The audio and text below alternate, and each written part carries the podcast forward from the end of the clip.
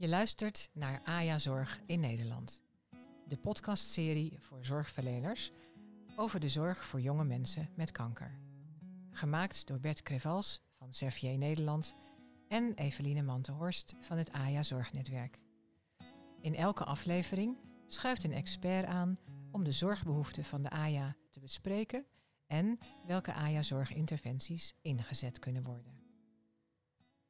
Dag Sofie de Groot en uh, Michaela van der Veld. Jullie zijn allebei nationaal projectleider bij het uh, AJA Zorgnetwerk en medisch maatschappelijk werker. Ja. Sophie, jij in het UMC Groningen en Michaela, jij in uh, het Erasmus in Rotterdam. En je bent ook systeemtherapeut in opleiding. Ja.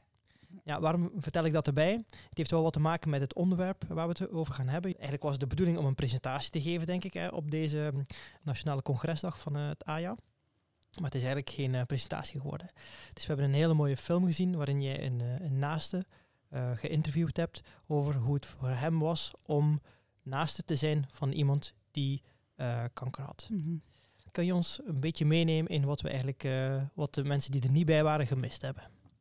Oeh, dat is een moeilijke vraag bijna, omdat ik denk ik niet eens degene ben die dat echt goed kan vertellen. En dat is de naaste zelf geweest. Maar de aanleiding was dat ik uh, in contact met deze naaste uh, al langer uh, hem begeleid heb in het proces van, van ziekte van zijn partner, die inmiddels helaas is overleden. En deze naaste kon zo goed verwoorden hoe het is om naaste te zijn en wat, je, wat er met je gebeurt in rollen, in posities, in de veranderende relatie met je partner, in het zorgverlenerschap wat ik kreeg, maar vooral ook de combinatie tussen pijn voelen en ook kunnen zien wat je zo zou willen van de zorgverleners, wat je zo zou wensen, gezien worden. En ja, ik dacht, de enige die dat kan vertellen is hij zelf. Dus eh, van de presentatie is het een uh, interview geworden met hem. Ja, precies. Nou ja, wat er uiteindelijk heel erg naar voren uh, kwam, is dat hij eigenlijk wel wat zorg gemist heeft. Ja. Hij zelf ja. is niet uh, gezien geweest. Hij heeft enorm veel gezorgd voor zijn partner die dan uiteindelijk overleden is. Dat heeft enorm veel gedaan met hun relatie. Sophie, herken je dat uit jouw praktijk ook? Ja, zeker weten. Inderdaad, vanuit het medisch maatschappelijk werk heb je toch wel vaak de aandacht voor voor die AJA dus inderdaad. En die naaste wil je daar zoveel mogelijk bij betrekken. En dat vertelde Michaela in een workshop die we net toevallig samen hebben gegeven. Vertelde ze dat ook zo mooi van probeer dan in dat eerste gesprek die naaste al direct te betrekken. Uh, zo hebben diegene er direct bij. Kan je natuurlijk altijd voelen, ook in het gesprek zelf, van oh, misschien is er niet helemaal die ruimte uh, in het gesprek. Dan, dan, dan, dan vind je daar ook wel weer je weg in. Uh, maar betrek diegene dan al vanaf het begin. Ja. Nee, wat, uh, wat ik heel erg merkte is dat uh, Bjorn, hij was de, de, de naaste, uh, vertelde dat hun relatie die zij hadden voordat zijn partner ziek werd, dat die helemaal veranderd is. Hè? Van een soort gelijkwaardigheid, dat hij eigenlijk een soort zorgrol gekregen heeft en hun relatie is totaal veranderd. Ja. ja als systeemtherapeut kribbelen je handen, denk ik. Wat, wat, wat leren we daaruit?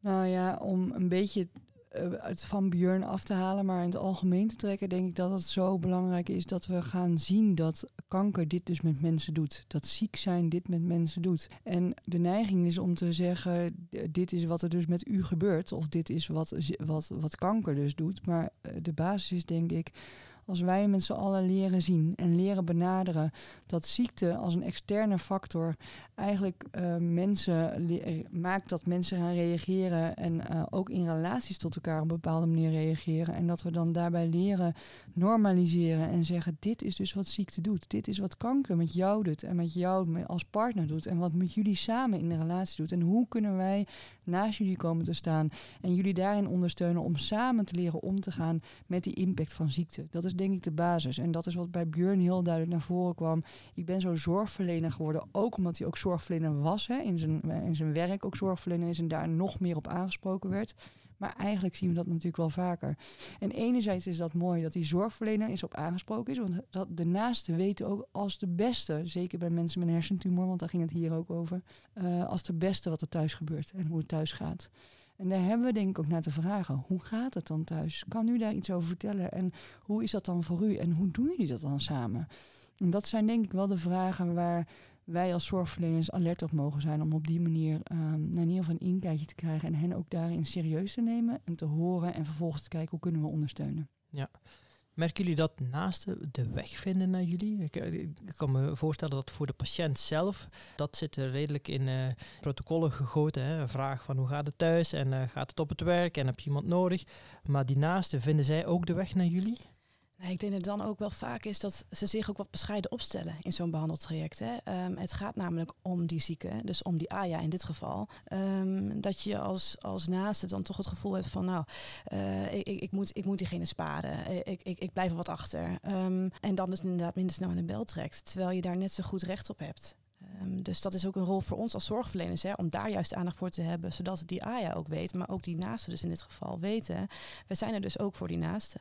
Ja, die naasten zijn gewend om zichzelf weg te cijferen, maar het is als zorgverlener om uh, juist dat te zien. Absoluut. Mag ik er iets aan toevoegen? Zeker. Kijk, wat we weten bij die AS is dat het natuurlijk over een levensfase gaat waar ze zo in ontwikkeling zijn. Hè? In hun eigen zelfstandige leven met allerlei verschillende thema's die spelen. Werken, carrière opbouwen, eventueel gezinnen relaties. En in die periode zijn ze juist die relaties zo ook aan het ontwikkelen.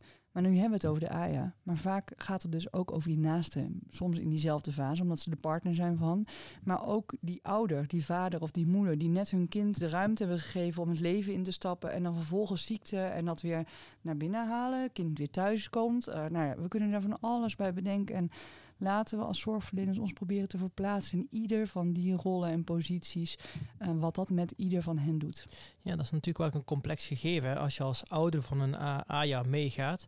Uh, dan heb je juist dat moederkloekengevoel of uh, ja, vaderkloekengevoel, zeg maar. Van uh, ik wil voor mijn kind zorgen. Terwijl het kind zelf, eigenlijk of de jongvolwassene in een fase zit, ik wil juist van mijn ouders mijn eigen pad gaan bewandelen. Ja, onafhankelijkheid. Ja. precies. Hoe ga je daar mee om? Wat is dan, die, wat is dan de, de, ideale manier? Moet je dan juist iemand op zijn eigen benen laten staan? Of geef je juist, ja, moeder nog maar een beetje, wat het is nu nodig? Ja, het is, er is denk ik geen ideale manier. Ik denk dat het ook heel erg aftast is en dat het heel erg maatwerk is door zo'n behandeltraject heen. Van, nou, moet ik dan nu die naast wat meer betrekken en of juist nu wat meer afstand gaan nemen? Moet ik nu de regie vo voornamelijk wat meer bij die AYA laten of moet ik juist wat meer bovenop zitten? Dat, dat tas je voortdurend wat af. En dat is ook waar dat zorgpad vanuit, het, vanuit het AYA-zorgnetwerk over gaat. Dat je daarin nou ja, wat heen en weer moet bewegen, dat dat moet aanvoelen. Ja.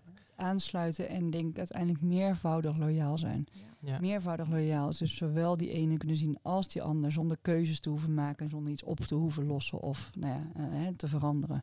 Maar vooral zien, eerst zien. Ja, merken jullie soms ook dat AJAS zich ju juist hun naasten willen beschermen? Hè? Dus dat ze iemand anders niet laten zorgen. Van ja, ik wil het graag alleen doen. En komen naasten met die vragen soms ook bij jullie terecht? Ja, zeker. Ik denk, ik denk wat ik net zei over die naasten, het willen sparen van die AYA, dat gaat twee kanten op. De AYA wil de naasten daarin ook besparen. En gelukkig wordt er dus ook meer aandacht gericht vanuit de zorgverlening voor die AYA. Ook op er is psychosociale hulp, er is ondersteuning, er, er, is hier een luisterend oor voor iemand die wat verder van je weg staat dan een naaste dat kan, voor je kan zijn. Maar goed, om nu een soort van het om te draaien naar die naasten, daar moeten wij dus nu juist inderdaad wat meer aandacht voor gaan, voor gaan krijgen. Mooi. Dus aandacht voor de zieken, maar zeker ook voor de mensen die hem ondersteunen. Absoluut. Dat hoeven we niet per se dus gesplitst te doen. Precies. kan samen in één kamer. Exact. Mooi, dank jullie wel. Dank.